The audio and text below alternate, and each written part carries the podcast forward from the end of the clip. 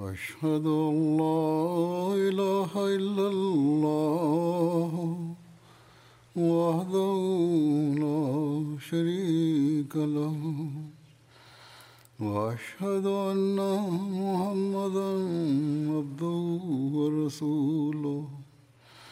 أما بعد فأعوذ بالله من الشيطان الرجيم.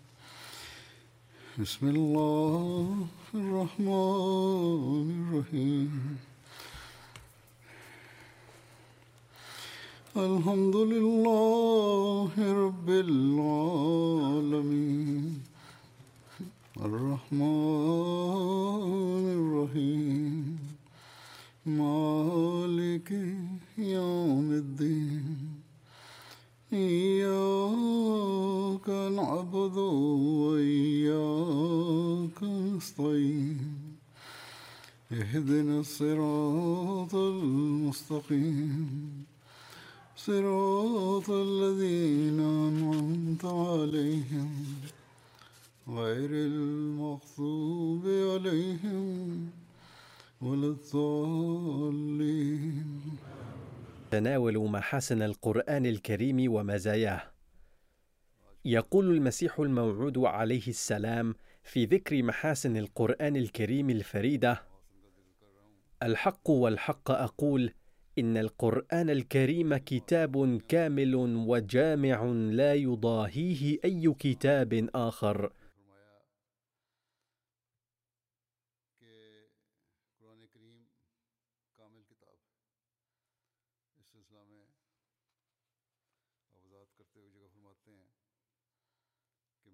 هل في الفيدا عبارة توازي هدى للمتقين إذا كان في الإقرار باللسان فقط كفاية؟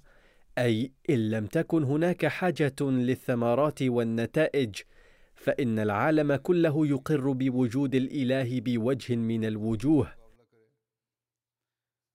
ويستحسن العبادة والصدقات أيضا ويعمل بهذه الأمور بشكل أو بآخر.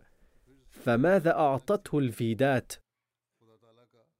أو أثبتوا على الأقل أن الأقوام التي لا تؤمن بالفيدات فقدت فيهم الحسنات كليا. أو أخبرونا عن ميزة متميزة أخرى في الفيدات.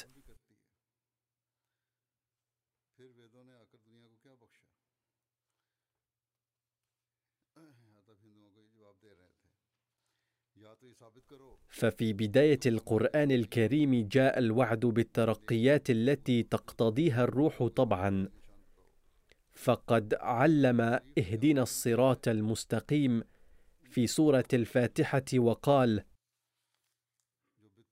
ادع دائما أن اهدنا إلى الصراط المستقيم. وبعد الدعاء فورا بشر في الآية الأولى من سورة البقرة قائلا ذلك الكتاب لا ريب فيه هدى للمتقين. فلما علم الدعاء لنيل الهداية فقد بين دستور العمل أيضا وقال بأن هذا هو الكتاب الذي سينال المتقون هداية نتيجة العمل به.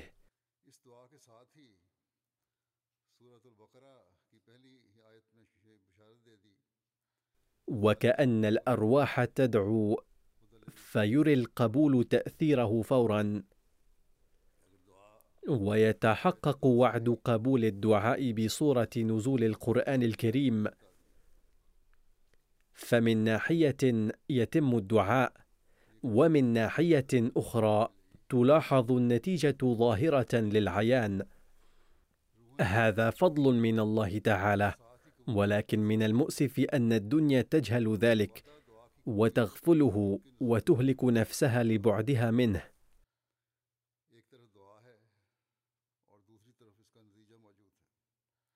يتابع قائلا أقول مرة أخرى بأن صفات المتقين التي بينها الله تعالى في بداية القرآن الكريم قد عدها من الصفات العادية ولكن الذي يؤمن بالقرآن الكريم ويجعله دستور العمل لهدايته. يصل إلى أعلى درجات الهداية ومراتبها التي هي المقصود من هدى للمتقين.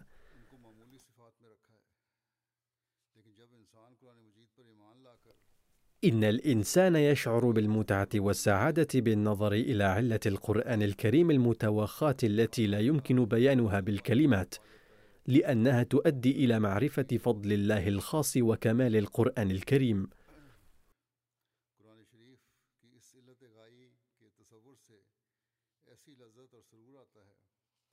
ثم بين المسيح الموعود عليه السلام أن تعليم القرآن كاملة وحاجة العصر دليل آخر على بعثة النبي صلى الله عليه وسلم. وقد بين النتيجة في اليوم أكملت لكم دينكم أي أن الظروف السائده في ذلك الزمن كانت تمثل دليلا على بعثته لأن الزمن كان يقتضي بعثته. ثم أكمل التعليم فقال اليوم أكملت لكم دينكم.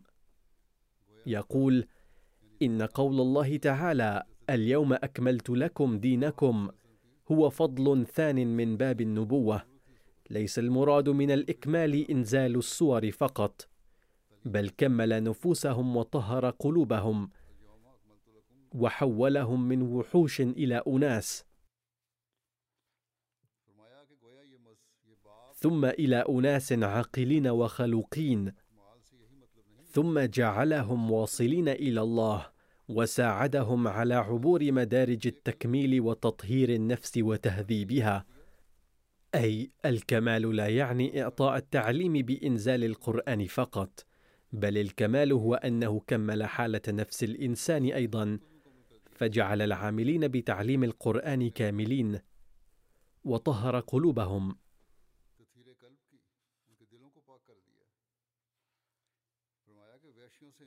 اذا يقول عليه السلام حولهم من الوحوش إلى أناس ثم إلى أناس عاقلين وخلوقين ثم جعلهم واصلين إلى الله وساعدهم على عبور مدارج تطهير النفس والتكميل وتهذيب النفس أي علم الإنسان مدارج عليا لتهذيب النفس وتطهيرها وأوصل تلك المدارج منتهاها. كذلك أكمل كتاب الله أيضا بحيث ما من حقيقة لا توجد في القرآن الكريم. قلت للبانديت هوتري مرارا الذي كان ينتمي بداية إلى فرقة هندوسية ثم أسس فرقة بنفسه وكان زعيما لها. وقد جرى بينه وبين المسيح الموعود عليه السلام نقاشات كثيرة فبهذا الشأن قال قلت للبانديت أغني هوتري مرارا أن يقدم صدقا لا يوجد في القرآن الكريم ولكنه لم يقدر على ذلك. كذلك أتى علي زمان حين قرأت الكتاب المقدس على سبيل المقارنة ووجدت أن الأشياء التي يعتز بها المسيحيون توجد كلها في القرآن الكريم بصورة دائمة وبوجه أكمل. ولكن من المؤسف أن المسلمين لا ينتبهون إليها فإنهم لا يتدبرون القرآن الكريم وليست في قلوبهم عظمته وإلا إنها لمفخرة لهم أنه لا يوجد نظيره عند الآخرين. إن للآية اليوم أكملت لكم دينكم جانبين. اولا أنه طهركم وثانيا قد أكمل الكتاب. يقال بأنه عندما نزلت هذه الآية كان اليوم يوم الجمعة وقال يهودي لعمر رضي الله عنه كان حريا بكم أن تحتفلوا بيوم نزولها عيدا. فقال عمر رضي الله عنه الجمعة عيد بحد ذاته ولكن كثيرا من الناس غافلون عن هذا العيد يلبسون لباسا جديدا بمناسبة عيدين آخرين. ولكن لا يهتمون بهذا العيد فيحضرونه بلباس وسخ مثلا. إن هذا العيد أفضل عندي من الأعياد الأخرى أي يجب الاهتمام خاصة بيوم الجمعة للاشتراك في صلاة الجمعة أيضا ولا يكفي أداء صلاة العيد بعد عام. إذ قد نزلت سورة الجمعة عن هذا العيد وقصرت له الصلاة.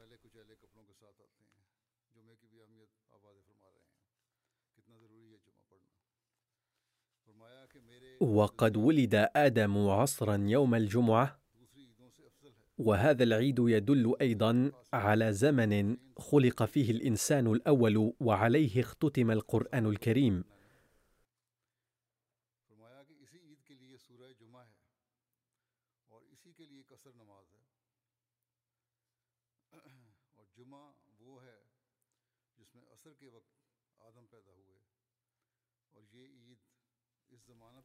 ثم بين المسيح الموعود عليه السلام أن القرآن الكريم قاد على الحديث. هناك خطأ آخر سائد في معظم المسلمين.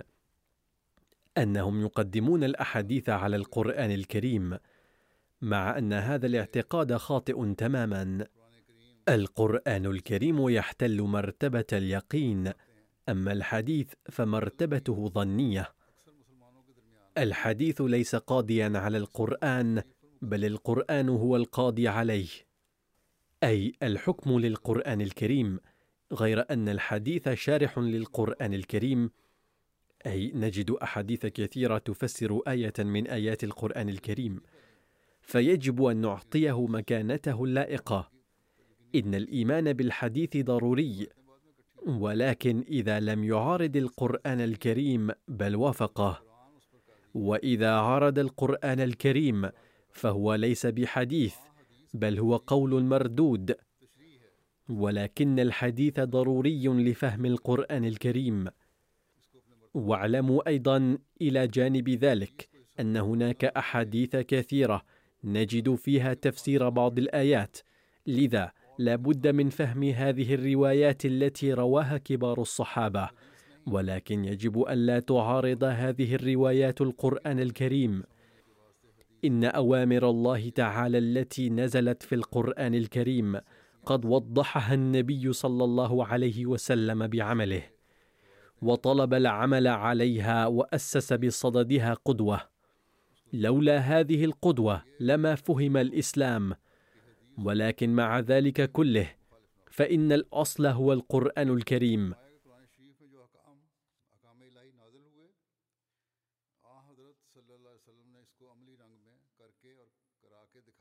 إن بعضا من أصحاب الكشوف يسمعون مباشرة من النبي صلى الله عليه وسلم بعض الأحاديث التي لا يعلمها الآخرون أو يطلبون منه تصديق بعض الأحاديث المتداولة. وقد قال المسيح الموعود عليه السلام إنه أيضا سمع بعض الأحاديث من النبي مباشرة.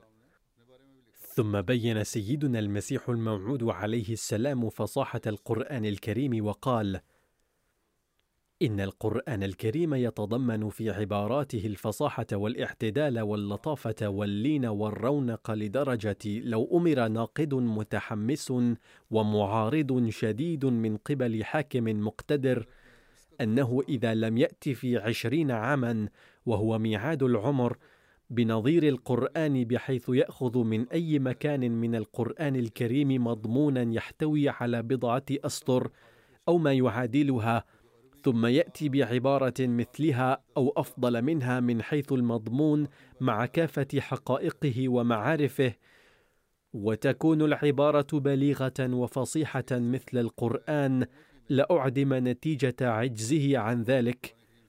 لما قدر على الإتيان بالنظير على الرغم من عناده الشديد وخوف تعرضه للإهانة والموت. وإن اتخذ مئات من خبراء اللغة والمنشئين في العالم ظهيرا.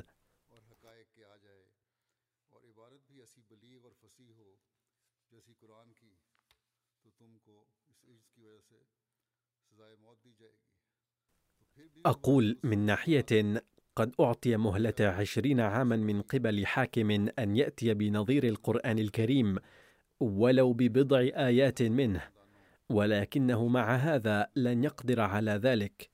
فهذا هو كمال القرآن الكريم وفصاحته. فقال المسيح الموعود عليه السلام إن هذا الكلام ليس وهما أو فكرة افتراضية بل التحدي للإتيان بنظيره موجود أمام العالم منذ نزول القرآن الكريم.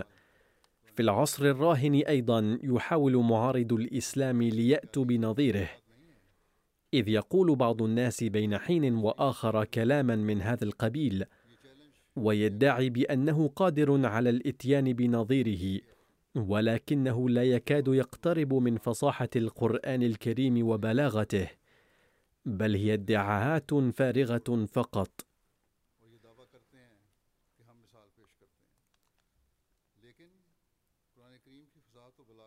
يقول المسيح الموعود عليه السلام كذلك تستحيل مبارزة فصاحة القرآن وبلاغته. خذوا سورة الفاتحة على سبيل المثال. فلو غيرنا ترتيبها الحالي لاستحال بيان ما فيها بترتيبها الحالي من معان سامية ومطالب عظمى. بل خذوا أية سورة قرآنية ولو سورة قل هو الله أحد. فالمعارف والحقائق التي ذكرتها هذه السورة بمنتهى الرفق واللطف لا يقدر أحد على بيانها. إن بيانها إنما من إعجاز القرآن فقط. تأخذني الحيرة حين يقول بعض الجهلة بقصد الهجوم على كون القرآن منقطع النظير إن مقامات الحريري أو المعلقات السبع منقطعة النظير والمثال. إنهم لا يدرون أن صاحب المقامات الحريرية لم يدعي قط أنها عديمة المثال هذا اولا. وثانيا صاحبها الحريري نفسه كان معترفا بإعجاز فصاحة القرآن. ثم إن هؤلاء الطاعنين لا يأخذون في الاعتبار ما في القرآن من حق وصدق وإنما ينظرون إلى الكلمات فقط.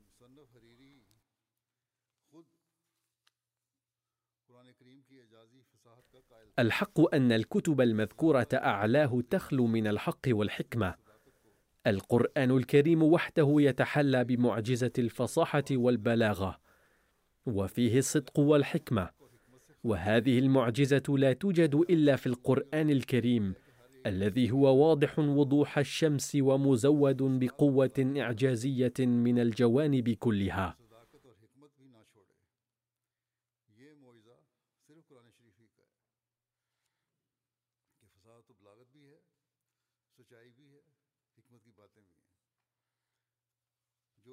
ثم يقول عليه السلام ذات مرة قدم القسيس فيندر كتب الحريري وأبي الفضل وبعض الكتب الإنجليزية مقابل معجزة فصاحة القرآن الكريم وبلاغته. وقد مضت على ذلك مدة لا بأس بها. وفكرت حينها أنه يكذب لأن مؤلفي تلك الكتب لم يدعوا بأن كلامهم عديم النظير بل قد أقروا بعدم قدرتهم دائما. وأثنوا على القرآن الكريم. هذا اولا.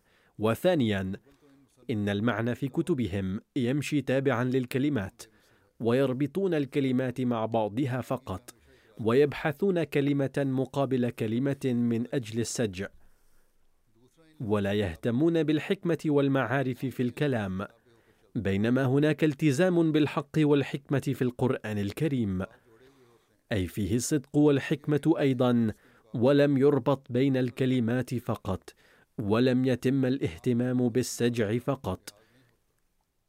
يتابع المسيح الموعود عليه السلام قائلا الأصل هو بيان الموضوع على أحسن ما يرام بحيث يكون السجع أيضا صحيحا مع بيان الحق والحكمة. وهذا لا ينال إلا بتأييد الله تعالى. فإذا كان الكلام يشتمل على الحق والحكمة ويكون السجع أيضا حاصلا فهذا يدل على تأييد الله تعالى. وإلا فإن كلام الإنسان يشبه كلام الحرير وأمثاله. دار الحديث ذات مرة في مجلس عن تفسير إعجاز المسيح وقيل إن الله تعالى لم يعط ايا من المعارضين قدرة على كتابة التفسير مقابله. فقال عليه السلام هناك مذهبان عن كون القرآن الكريم معجزة الأول هو أن الله تعالى سلب قدرة المعارضين أي أنهم لا يقدرون على أن يأتوا بنظيره. والمذهب الثاني وهو المذهب الأصح والأصدق والأقوى وهو مذهبي أنا أيضا أن المعارضين كانوا عاجزين بأنفسهم عن المبارزة. والحق أنه قد سلب منهم علمهم وعقلهم. إن معجزة القرآن الكريم تفهم جيدا من تفسيرنا. هناك آلاف المعارضين الذين يسمون أنفسهم علماء وفضلاء وقد نشرنا عديدا من الإعلانات لإثارة غيرتهم ولكن لم يقدر أحد على مبارزة هذه الآية. يجب علينا أن نقرأ كتب المسيح الموعود عليه السلام من هذا المنطلق أيضا لنفهم مضامين القرآن الكريم. وقال عليه السلام بمناسبة أخرى المعجزة التي أعطى الله تعالى القرآن الكريم إنما هي تعليم الأخلاق والتمدن من الدرجة العليا. كذلك فصاحته وبلاغته التي لا يباريه إنسان. كذلك هناك معجزة تتمثل في أخبار الغيب والنبوءات.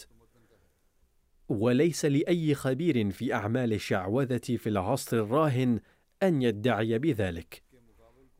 ففيه الفصاحة والبلاغة وأخبار الغيب والنبوءات وليس لأي خبير في أعمال الشعوذه في العصر الراهن أن يدعي بذلك. ففيه الفصاحة والبلاغة وأخبار الغيب والنبوءات ولا يمكن لأي مشعوذ أن يأتي بهذه الأمور ولا يمكن أن يدعيها. يتابع عليه السلام قائلا وقد ميز الله آياتها بجلاء لئلا تبقى لأحد فرصة الاعتراض. ومثل ذلك قد بين الله بآياته بحيث ليس في وسع أحد أن يدخل فيها أي شك وشبهة.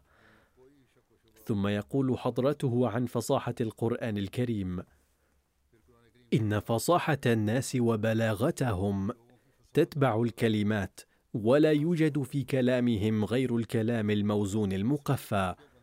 كما قال أحد العرب سافرت إلى روم وأنا على جمل مالوم. فهذه الكلمات إنما جاء بها للقافية والوزن فقط. إنما إعجاز القرآن الكريم أنه قد نظمت فيه الكلمات كلها كاللآلئ وكلها في محلها. بحيث لا يمكن تبديلها من مكانها أو استبدال بعض الكلمات بأخرى. ومع ذلك توجد فيه لوازم القوافي والفصاحة والبلاغة بأكملها. ثم قال حضرته في مجلس بيانا لجمال فصاحة القرآن الكريم وبلاغته كل ما يظهر على يدي من الآيات إنما هي خوارق رسول الله صلى الله عليه وسلم ومعجزاته. أما النبوءات فهي نبوءات القرآن الكريم في الحقيقة لأنها ثمرات اتباعه وتعليم القرآن الكريم. لا يوجد في العصر الراهن دين يسع متبعه أن يدعي أنه قادر على أن يتنبأ أو يظهر الخوارق. لذا فإن معجزة القرآن الكريم من هذه الناحية تفوق معجزات الكتب كلها. فالمعجزات التي أظهرها حضرته شخصيا إنما هي ببركة القرآن الكريم فقط واتباع النبي صلى الله عليه وسلم حصرا.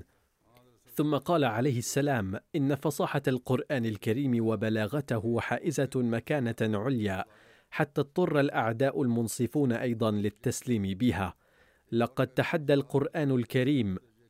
فأتوا بسوره من مثله. ولكن ما استطاع أحد أن يأتي بنظيره إلى يومنا هذا. وقد عجز عن مبارزته فصحاء العرب وبلغاؤهم أيضا. والذين كانوا ينشدون قصائد في اجتماعات حاشدة بمناسبات خاصة. ثم لم يركز في فصاحة القرآن الكريم وبلاغته على الكلمات فقط دون الاهتمام بالمعاني والمفاهيم. بل كما رصعت الكلمات بأعلى درجات من الترتيب العجيب كما فصلت فيها الحقائق والمعارف أيضا. أما الإنسان فلا يقدر على الاهتمام ببيان الحقائق والمعارف إلى جانب مراعاة مراتب الفصاحة والبلاغة أيضا.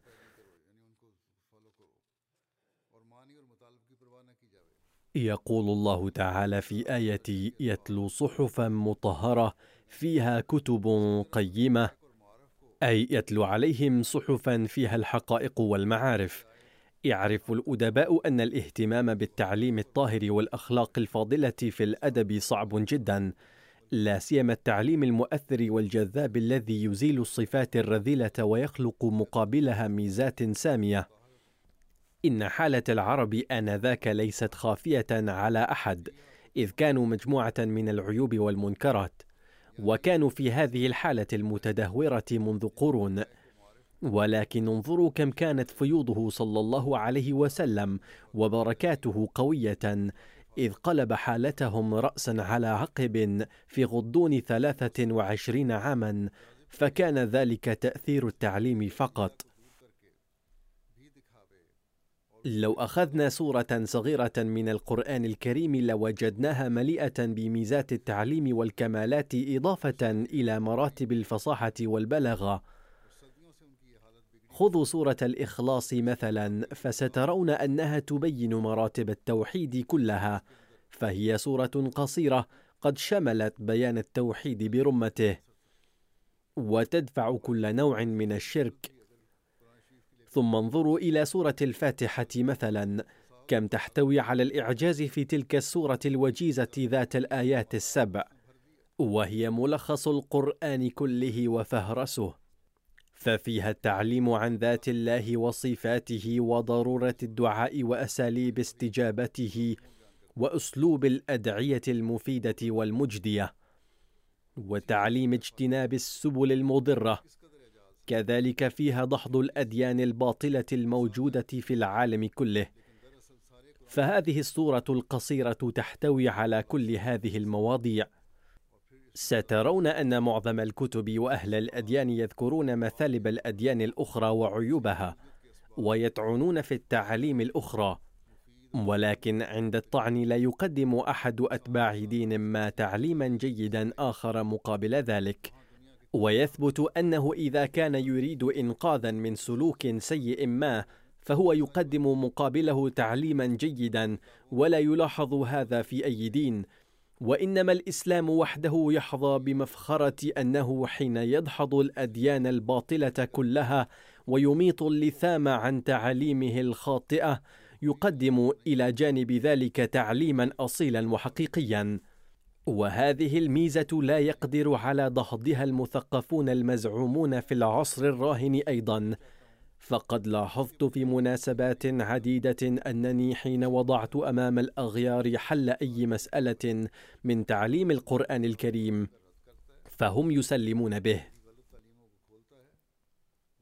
يقول سيدنا المسيح الموعود عليه السلام في بيان محاسن القرآن الكريم إن القرآن الكريم كتاب سلس الفهم.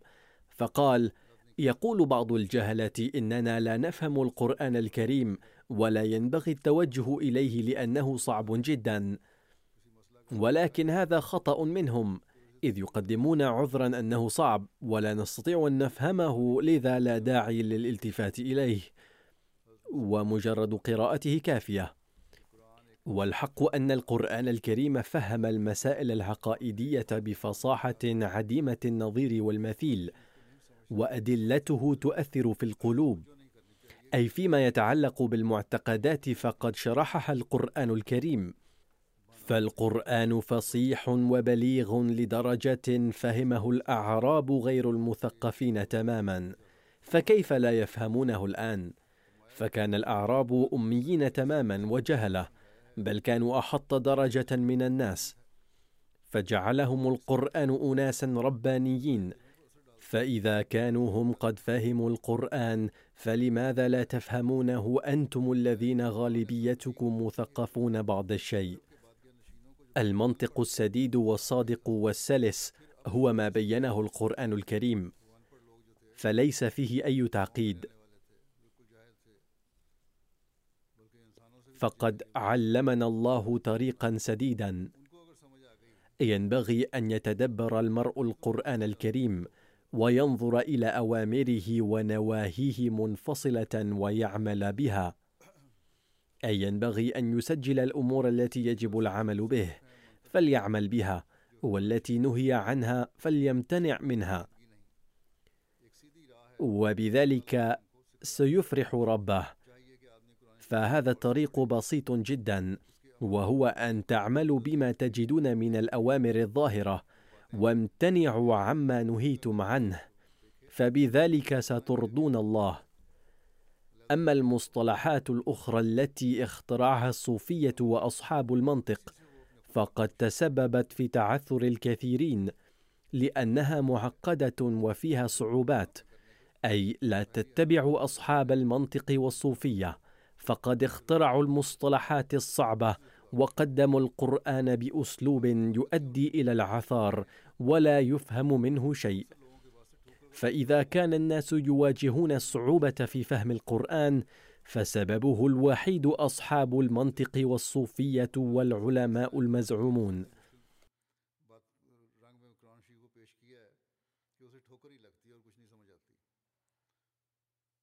قال حضرته عليه السلام لقد كتب أحد الصلحاء ونحسن إليه الظن أنه كتب بحسن النية وإن كان قوله ليس صحيحا أن الشيخ عبد القادر الجيلاني لم يكن من الكمل لأن نزوله لم يكن كاملا وإنما كان صعوده فقط أي لم يكن ينزل عليه الإلهامات وإنما كانت أدعيته فقط تجاب ولذلك صدرت منه كرامات كثيرة فلو كان نزوله كاملا لما صدرت منه أي كرامة.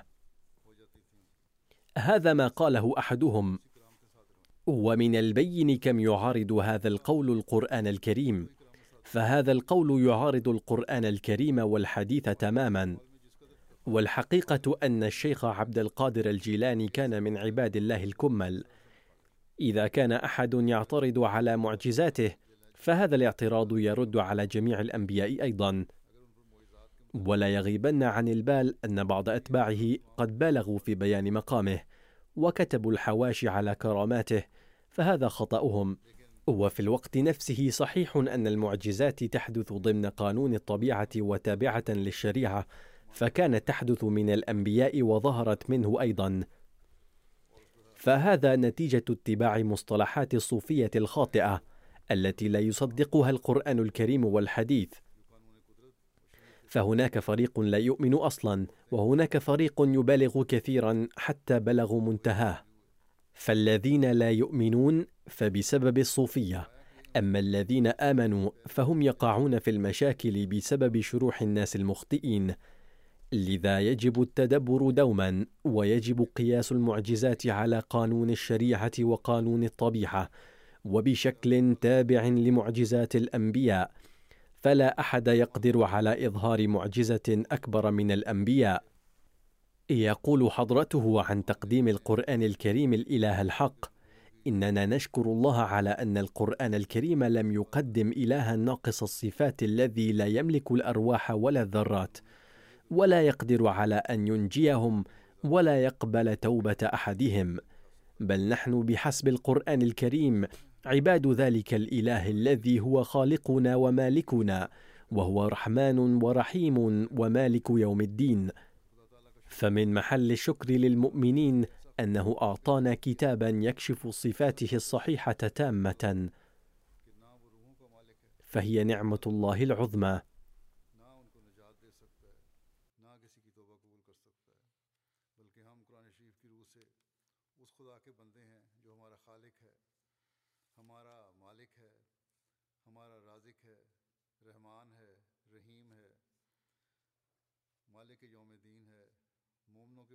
سيستمر بيان أقوال سيدنا المسيح الموعود الزاخرة بالعلم والمعرفة والمحتويه على خصائص القرآن الكريم ومكانته ومرتبته في المستقبل أيضا إن شاء الله.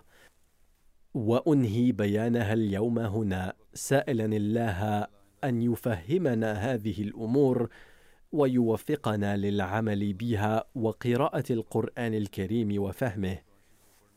لأنني أريد أن أذكر بعض المرحومين وخاصة شهيد بنغلاديش وسأصلي عليهم جنازة الغائب فأذكرهم الآن. كما نعرف أن الجماعة في بنغلاديش عقدت جلستها السنوية في الجمعة الماضية. وأثناء الجلسة هاجم المفسدون والإرهابيون مكان الجلسة. كانت الشرطة ورجال الحكومة قد طمأنوا الجماعة أنهم سيسيطرون على الوضع ولن يحدث شيء. لذا يمكن أن تعقد الجماعة الجلسة. فبدأت الجلسة.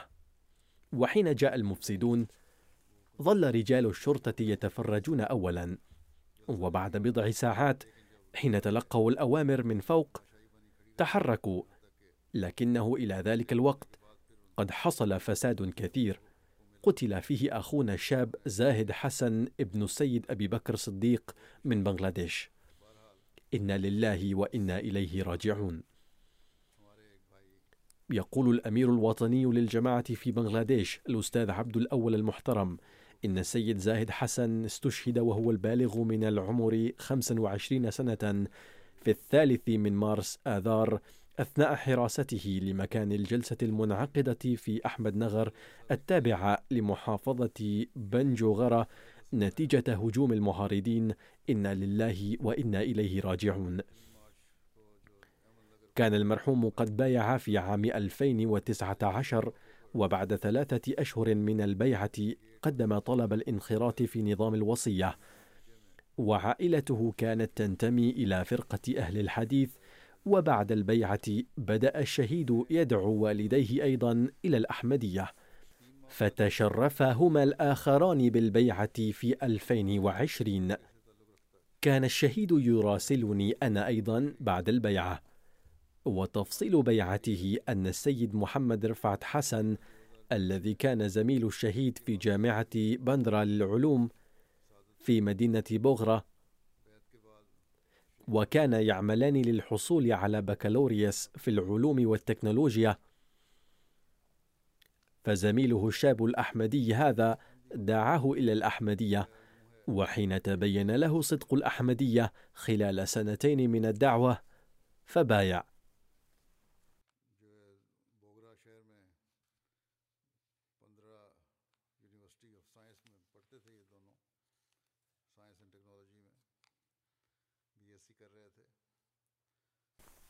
يتابع الأستاذ عبد الأول فيقول: منذ بداية الجلسة بدأ المشايخ مع أشياعهم يهاجمون مكان الجلسة من الجهات الأربع، والبوابة من جانبها الغربي، وإضافة إلى رشقهم بالأحجار كانوا يهاجمون بالأسلحة المحلية من الفؤوس والقضبان الحديدية، وحيثما وجدوا الفرصة أشعلوا النار أيضا، ودافع خدام الأحمدية وحرسوا بكل شجاعة.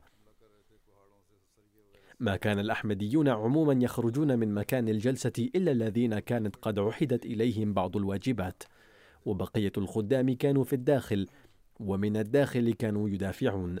وبعد ساعة وخمس وأربعين دقيقة من بدء الجلسة حين نجح المهاجمون في هدم جزء من الجدار طلب من الخدام أن يحرسوا مكان الجلسة في كل حال فتقدم الشهيد زاهد حسن مع زملائه بكل سرعة وشجاعة من البوابة رقم واحد إلى جدار مكان الجلسة لدفع المهاجمين عنه.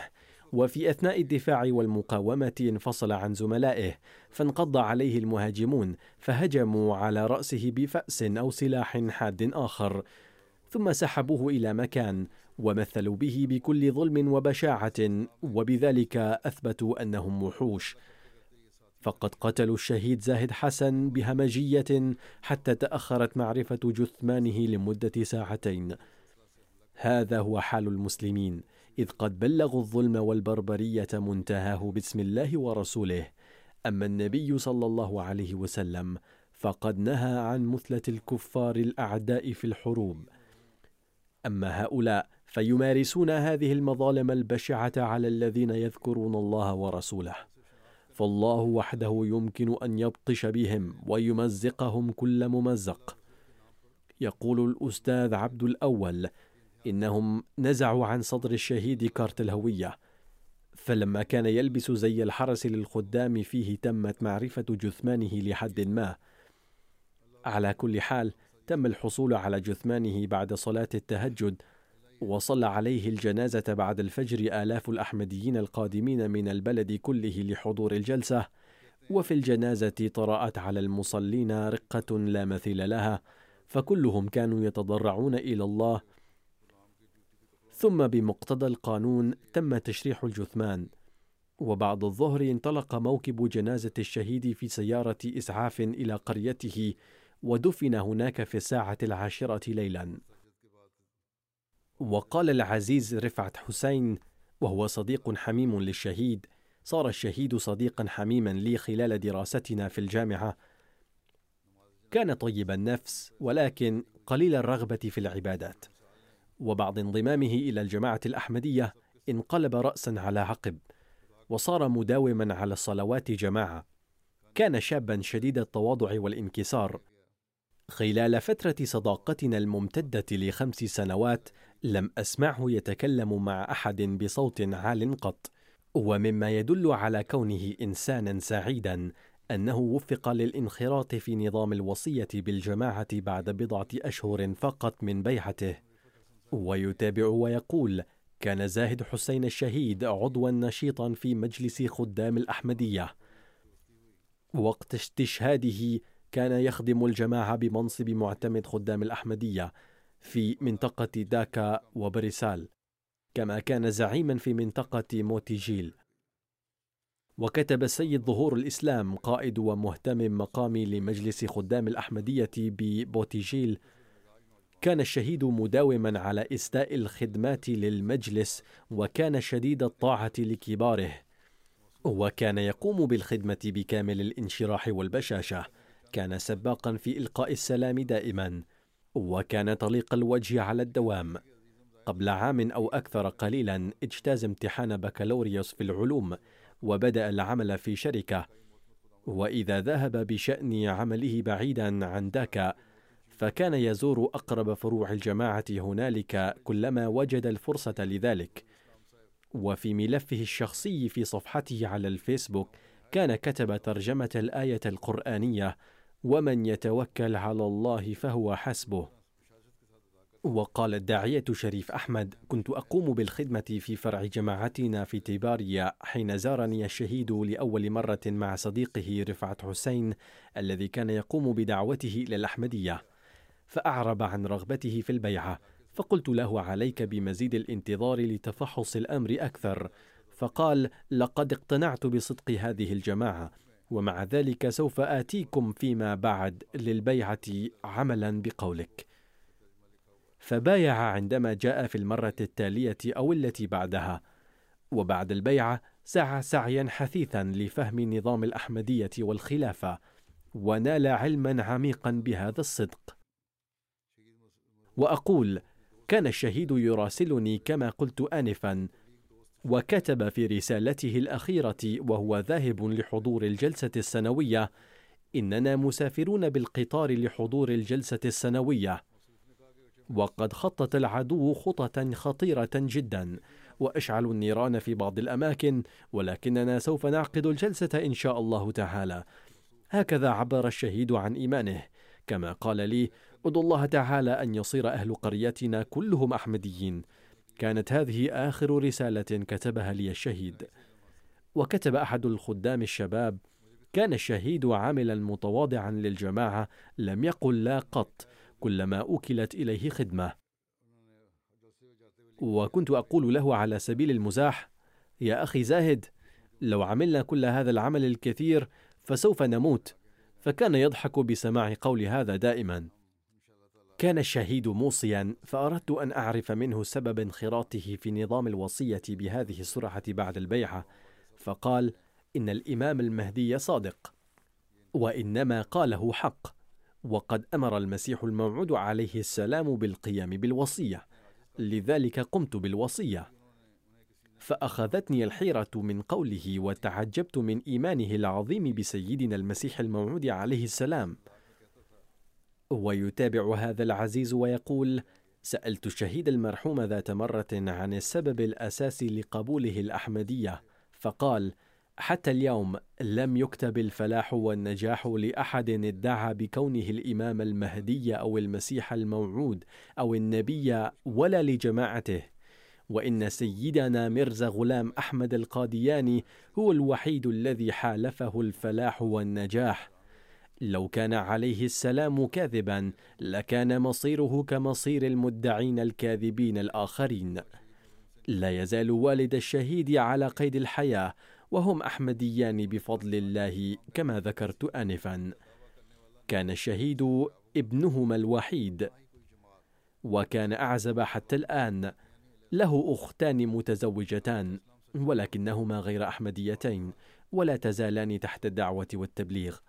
ألهم الله والديه جميل الصبر والسلوان والهمة. وكما قلت كان الشهيد ابنهما الوحيد فالصدمة عليهما شديدة. أعانهما الله عليها بفضله ورحمته ورفع درجات الشهيد. لقد نال الشهيد الحياة الخالدة الأبدية كما قال الله تعالى وندعو الله تعالى أن يشمله دائما برحمته كما نبتهل إلى الله تعالى أن يهيئ الأسباب للبطش بهؤلاء الظالمين عاجلا. يظن العدو أنه سيفل همم أبناء جماعتنا بهذه الشدائد والاعتداءات ولكن الأمر الواقع عكس ذلك تماما لقد تلقيت الرسائل من هنالك حيث كتب لي بعض الشباب إذا كانت هناك حاجة للمزيد من الشهادات فادعوا الله تعالى أن يضمنا أيضا إلى زمرة الشهداء فهل يستطيع العدو اللئيم أن يضر مثل هؤلاء القوم؟ على كل حال علينا أن ندعو الله تعالى بأن يعيذنا من شرورهم ويشملنا برحمته وفضله. يجب أن تركزوا على الدعاء كثيرا في هذه الأيام.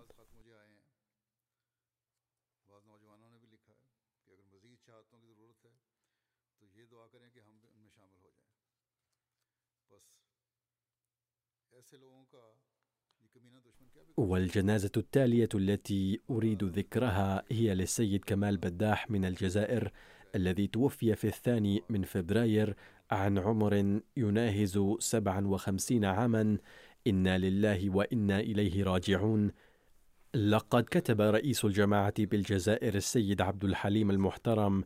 كان المرحوم مؤمنا صادقا وأحمديا مخلصا. كان بيته مفتوحا دائما لاجتماعات الجماعة والصلوات والنشاطات التبليغية. كل الأحمديين يشهدون على قوة إيمانه وكرم ضيافته وسعة صدره.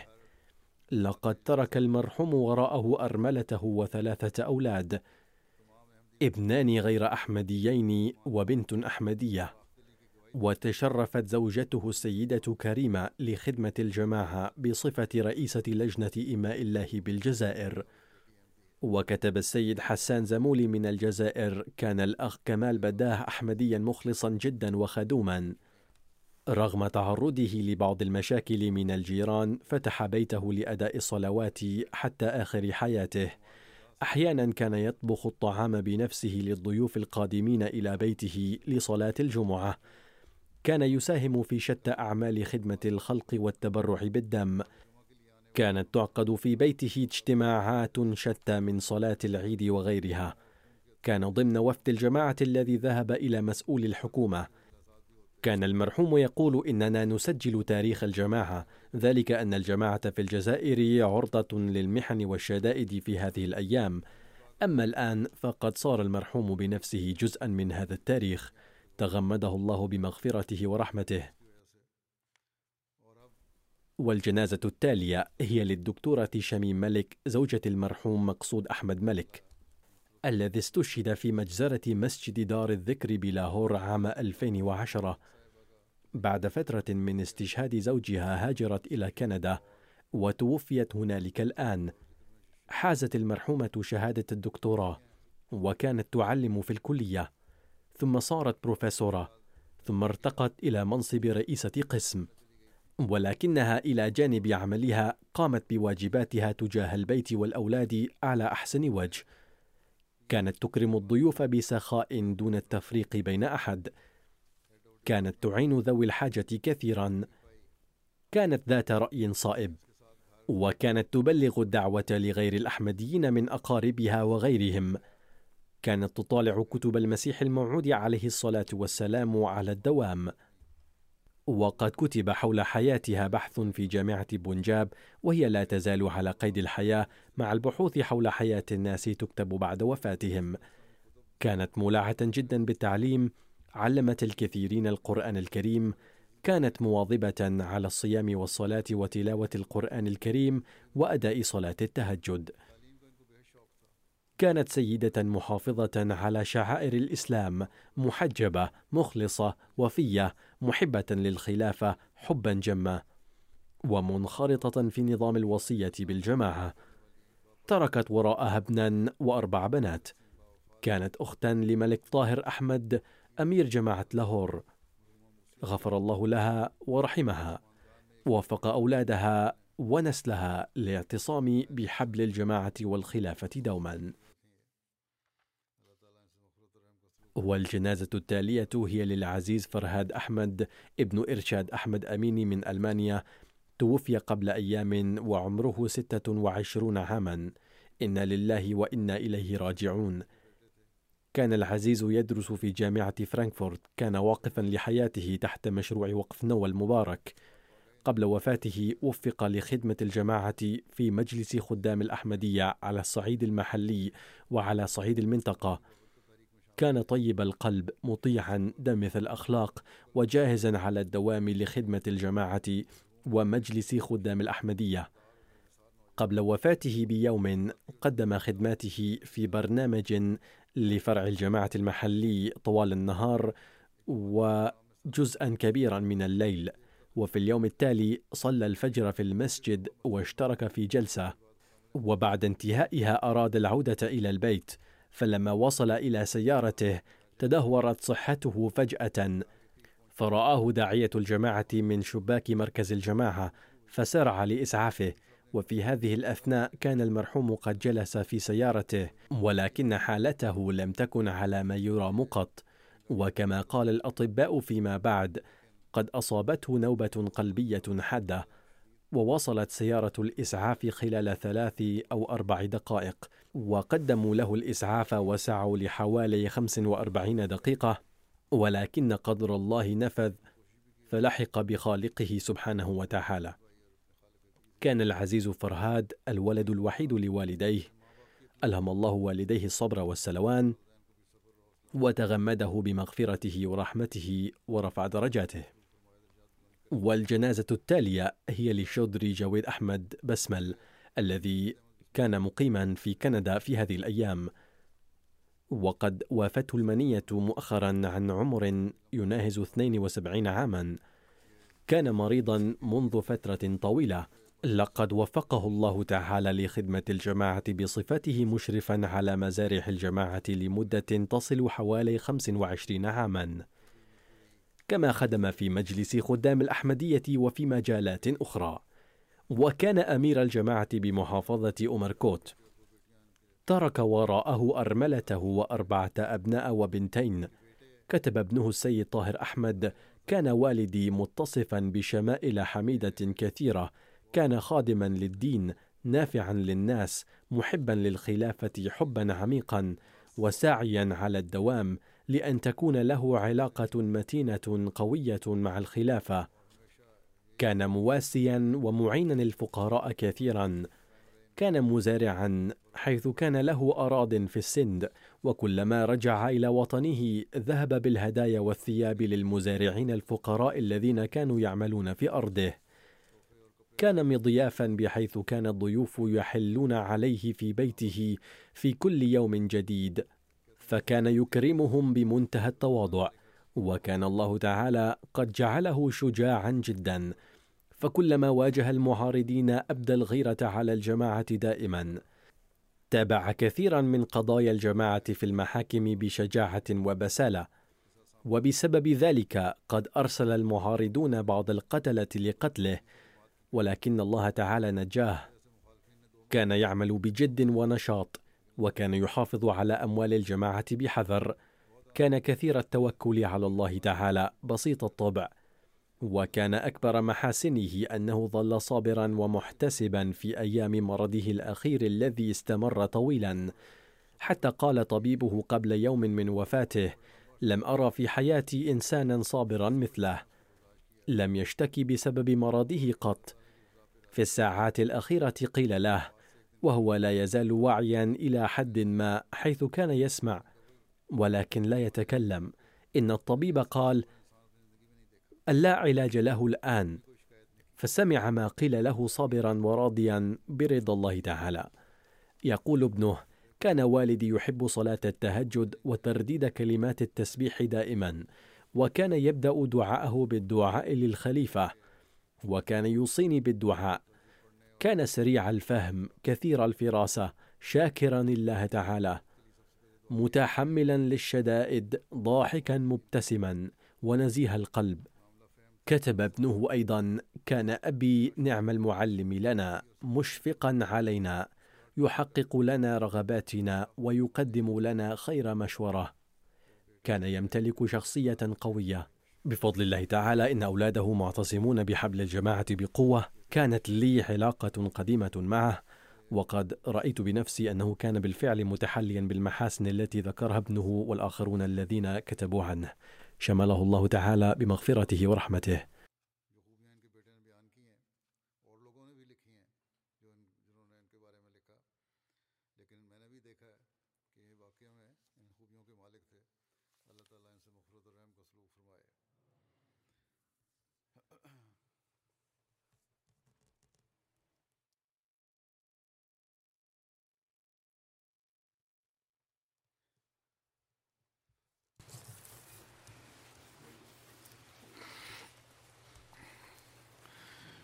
الحمد لله الحمد لله نحمده ونستعينه ونستغفره ونؤمن به ونتوكل عليه ونعوذ بالله من شرور أنفسنا ومن سيئات أعمالنا.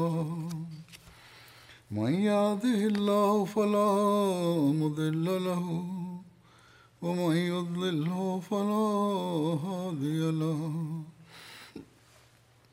ونشهد ان لا اله الا الله ونشهد ان محمدا عبده ورسوله.